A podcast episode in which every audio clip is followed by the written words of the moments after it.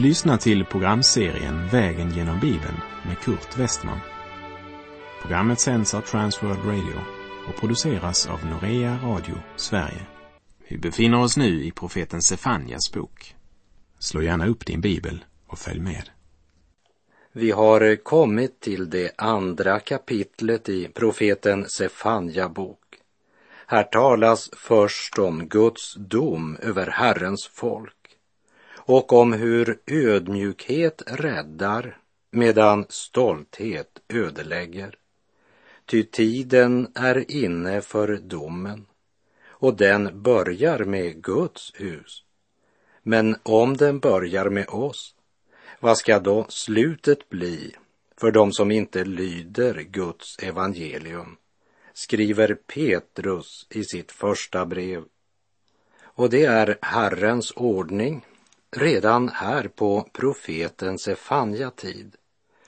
Först dömer Gud synden hos sitt eget folk. Därefter dömer han de kringliggande hednaländerna för vad de har gjort mot Guds folk. Fruktansvärd ska Herren vara mot dem, står det i vers 11. Och vers 10 säger att det är för att de har hånat Herren Sebaots folk. Så även om domen börjar med Guds folk stannar det inte där. Gud ska också döma alla andra nationer för deras synd och för vad de har förbrutit sig mot Herrens folk. Men Gud är nådig, barmhärtig och långmodig och han vill inte att någon skall förgå. Därför ropar han ut en sista kallelse innan domen verkställs. Man skulle ju tro att Guds tålamod skulle ha tagit slut för länge sedan. Men kallelsen till omvändelse ljuder än en gång till Juda. Sefanja kapitel 2, vers 1 och 2. Samlas, kom samman, du skamlösa folk, innan stunden är inne. Som agnar blåser dagarna förbi, innan Herrens glödande vrede drabbar er, innan Herrens vredes dag drabbar er. Tiden så hastigt försvinner, snart har vårt timglas utrunnit sjunger vi i en sång. Och det är just den påminnelsen Herren nu ger sitt folk. Som agnar blåser dagarna förbi. Gud kallar sitt folk till samling. Samlas, kom samman. Samlas omkring Guds ord. Samlas till helig gemenskap, till uppbyggelse, förmaning och tröst samlas till bön och fasta i denna nödstid. Gråt ut inför Herren. Vänd om innan Herrens vredes dag drabbar er. Det är tragiskt att Herren måste säga du skamlösa folk om sitt eget folk. Det folk som skulle leva avskilda för Herren och vara ett vittnesbörd för andra folk och visst var de ett vittnesbörd, men på ett sådant sätt att det vanärade Gud. Kärleken, sanningen och rättfärdigheten kräver att Guds folk döms för sina synder och överträdelser. Gud älskar dem, men han är också en helig Gud som är en förtärande eld för all orätt och synd och på grund av deras ständigt växande synd drabbas de av Guds dom. De hade vänt Gud ryggen. De vägrade lyssna till Herrens ord. De var motsträviga och hårdnackade och levde hämningslöst i synd, omoral och orättfärdighet. Man har blivit så förblindade av synden att de inte skäms över sitt ogudaktiga liv utan snarare skryter över sina synder. Så djupt har de sjunkit. ingen känsla för vad som är rätt, ingen skam över det grövsta brott mot Guds heliga bud. Samvetet har accepterat orätten och omoralen så länge att samvetets röst tystnat helt. Man kände ingen oro. Man hade nått den punkt där man fått ro i sina synder. Men det var inte den frid som Gud ger man hade. Det var dödens ro. Man var offer för syndens bedrägeri. Det är en fara som varje Guds barn måste vara på vakt emot om man inte vill lida skeppsbrott i tron och förlora sin själ. Aposteln Paulus gav följande förmaning till sin medarbetare Timoteus. I första Timoteusbrevet 1, vers 18 och 19, där han uppmanar Timoteus att kämpa den goda kampen i tro med ett rent samvete. Detta har somliga stött ifrån sig och lidit skeppsbrott i tron skriver Paulus. I det hjärta där synden får råda kan Gud inte bo. Det var det som hade hänt i Juda och det är där vi står som nation idag. Därmed har jag inte sagt att synden var mindre när jag var barn. Men då var den till stora delar dold, för man skämdes för sin orätt. Men idag skryter man med synden. Det som viskades i kamrarna ropas idag ut på taken med skamlös fräckhet. Det är en stor och avgörande skillnad. När respekten för Gud blir borta blir också respekten för medmänniskan borta. Även självrespekten försvinner och ersätts antingen av mindervärdighetskomplex eller av storhetsvansinne. Och i en sådan avfallstid degraderas nåden till att endast bli något genom vilket man ska slippa syndens konsekvens. Men Guds frälsningsplan går ut på att vi genom Jesu Kristi försoning för våra synder inte bara skulle befrias från syndens skuld, men också förlossas från syndens makt. I Galaterbrevet 5.13 skriver Paulus. Ni är kallade till frihet, bröder. Använd bara inte friheten så att den onda naturen får något tillfälle, utan tjäna varandra i kärlek. Och Petrus han uttrycker det så här i sitt första brev kapitel 2. Ni är fria, men använd inte friheten som täckmantel för att göra det onda, utan för att tjäna Gud. Men när Guds folk avfaller från Herren så blir friheten en frihet för köttet och självlivet vilket ger den onda naturen makt över våra liv så att vi blir syndens trälar. Och så ser man inte längre skillnaden mellan frestelse och slaveri utan inbillar sig att det är naturligt att alltid leva i nederlag. Och så inbillar man sig att detta kötsliga sätt att leva, det är att leva av nåd medan Gud kallar det för att synda på nåden. Och till sist blir samvetet så dött att man inte ens behöver någon nåd. Och så blir det bara synden och ogudaktigheten kvar. Det skedde i Juda och det sker i vårt land idag. Och likt kallelsen göd en sista gång över nationen Juda ljuder Guds kallelse än en gång över vår nation när Herren ropar genom profeten Sefanja. Samlas, kom samman, du skamlösa folk, innan stunden är inne.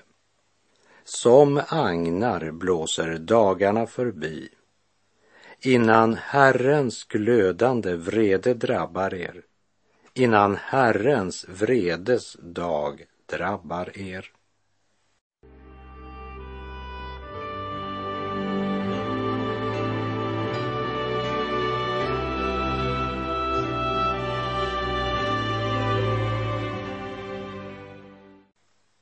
Vi läser profeten Sefanja kapitel 2, vers 2. Sök Herren, alla ni ödmjuka i landet, ni som gör vad han befaller. Sök rättfärdighet, sök ödmjukhet. Kanske blir ni beskyddade på Herrens vredesdag. Herren uppmanar dem att samlas till bön och bekännelse. Samlas för att omvända er till Gud.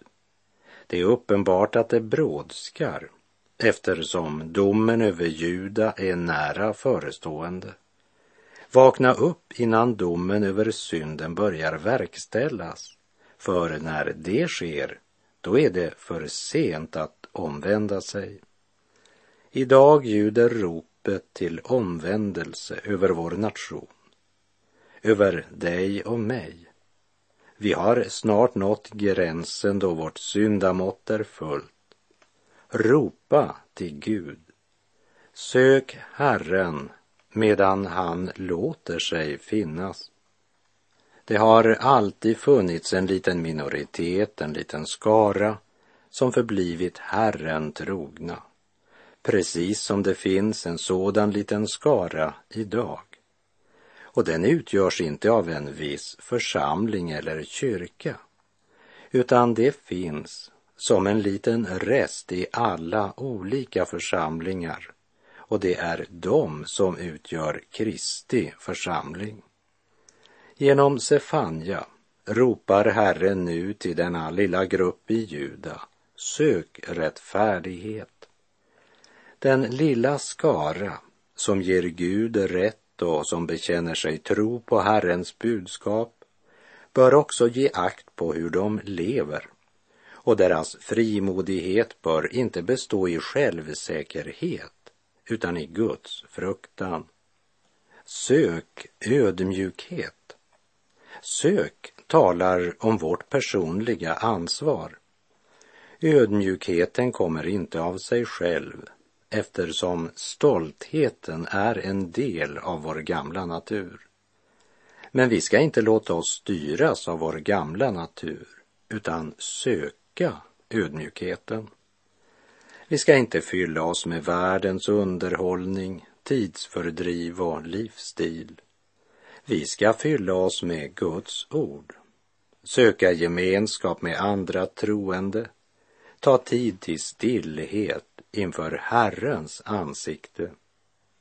Det är många som högröstat ropar helgat vare ditt namn samtidigt som deras liv är en skriande protest emot den bönen.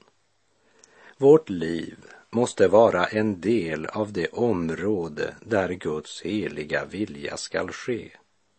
Det måste bli mera än en from kliché vi bör besinna att Gud har inga favoriter och att den synd vi kanske döljer för andra människor kan vi inte dölja för Gud. Att vara ödmjuk, det betyder inte först och främst att kämpa för doktriner och lärosättningar, utan att praktisera Guds ord. Sök Herren, alla ni ödmjuka i landet, ni som gör vad han befaller, ropar profeten Sefanja. Med andra ord, ni ska inte bara vara ordets hörare, men också ordets görare. Sök rättfärdighet, sök ödmjukhet. Kanske blir ni beskyddade på Herrens vredes dag. Det finns bara ett ställe där du kan gömma dig undan Guds vrede och det är i Guds famn. Jesus ha i ständigt minne, vill du bli Guds barn och vän. Jesus bär i hjärtat inne, Jesus ha för ögonen. Vid din möda, vid din vila, i din glädje, i din nöd, se på Jesu liv och död. Se på Jesus när du döden, när du domen för dig ser. Jesus än i sista nöden ger den frid ej världen ger. Bed som han och böj ditt huvud. Jesus fullgjort allt för dig. Jesus tar din själ till sig.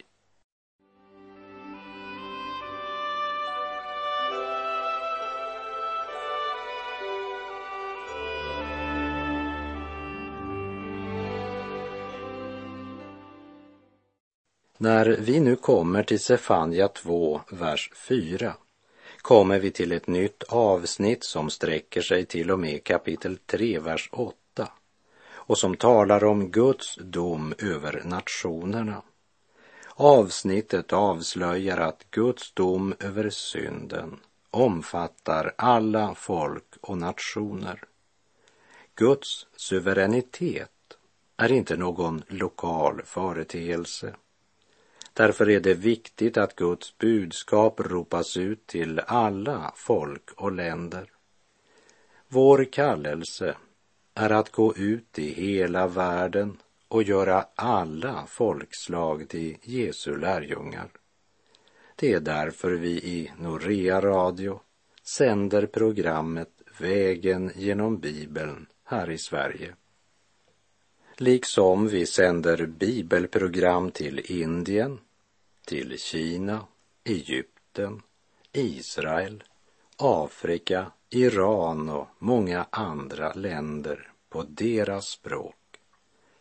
Genom radiovågorna når evangeliet runt vår jord till den mest avlägsna hydda.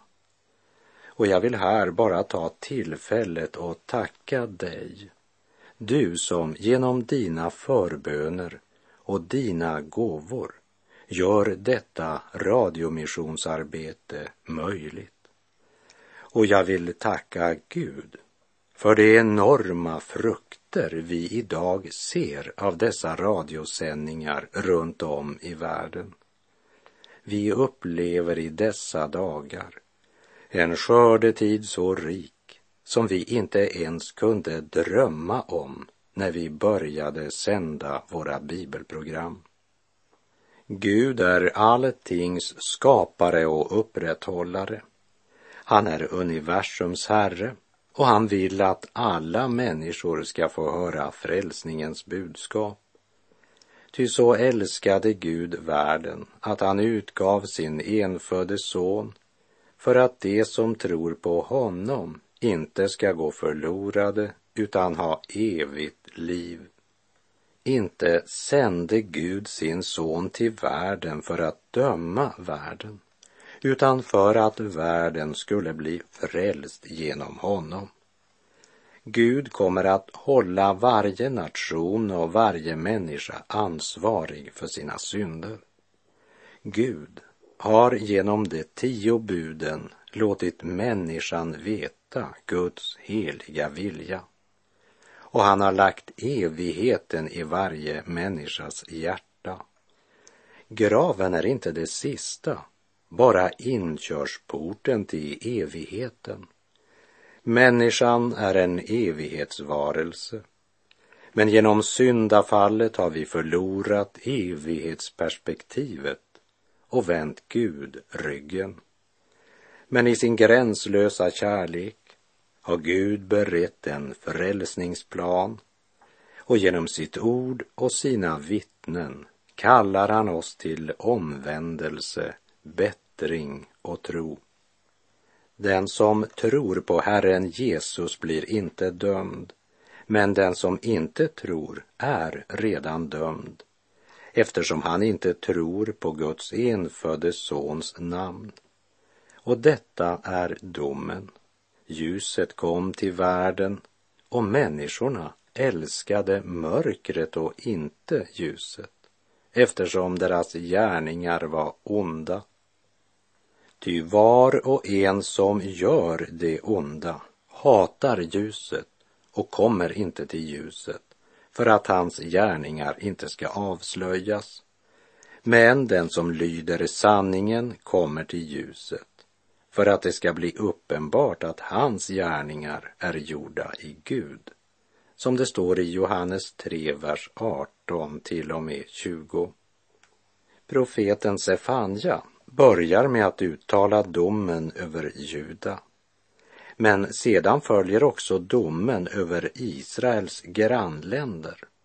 Och det uttrycker Petrus så här i Petrus första brev kapitel 4, vers 17. Tiden är inne för domen och den börjar med Guds hus. Men om den börjar med oss, vad ska då slutet bli för dem som inte lyder Guds evangelium? Vi läser Sefanja kapitel 2, vers 4.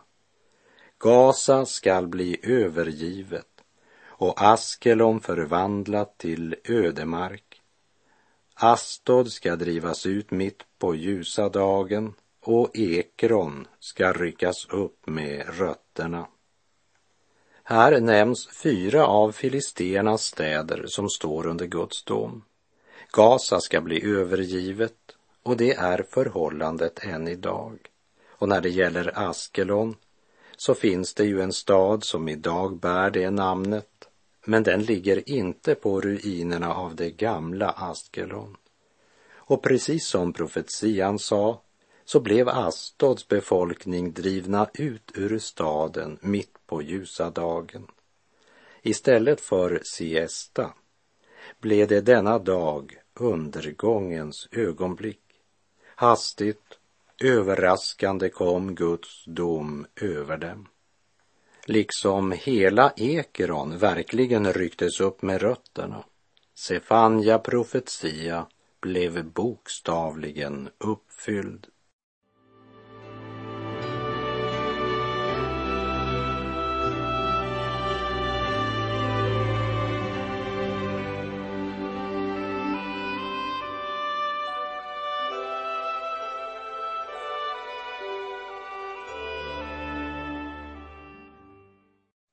Vi läser Sefanja kapitel 2, verserna 5 till och med 7. Ve er som bebor landsträckan ut med havet, ni av kereternas folk. Herrens ord är emot dig, kanan, du filisteernas land.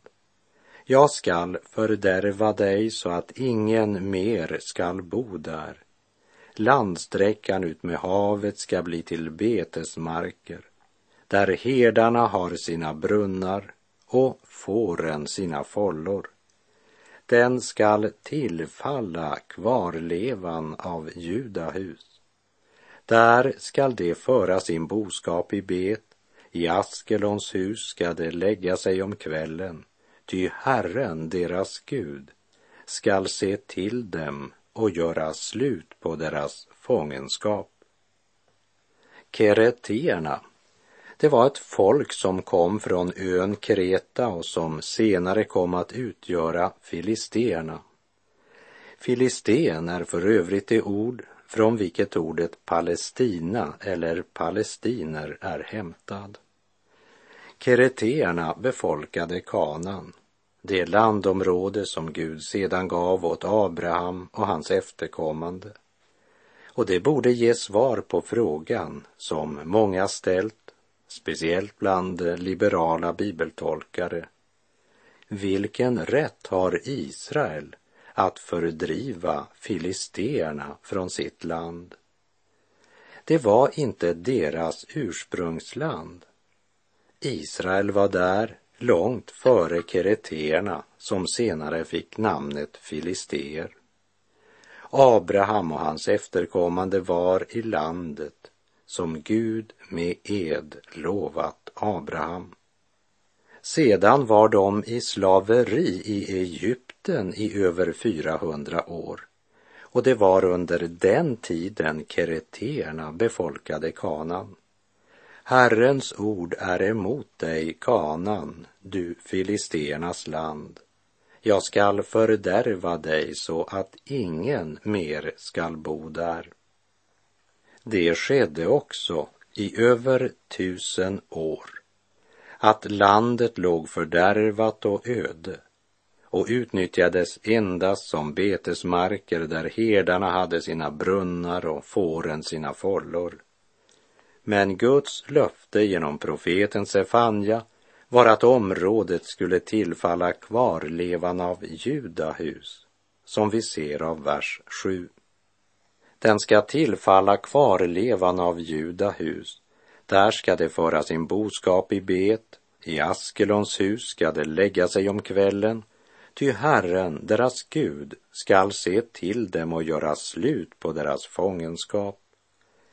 Guds löfte är att de en dag ska återvända från sin fångenskap och förskingring och återbefolka det land som kallas Filisteen och som Herren gett namnet Kanan.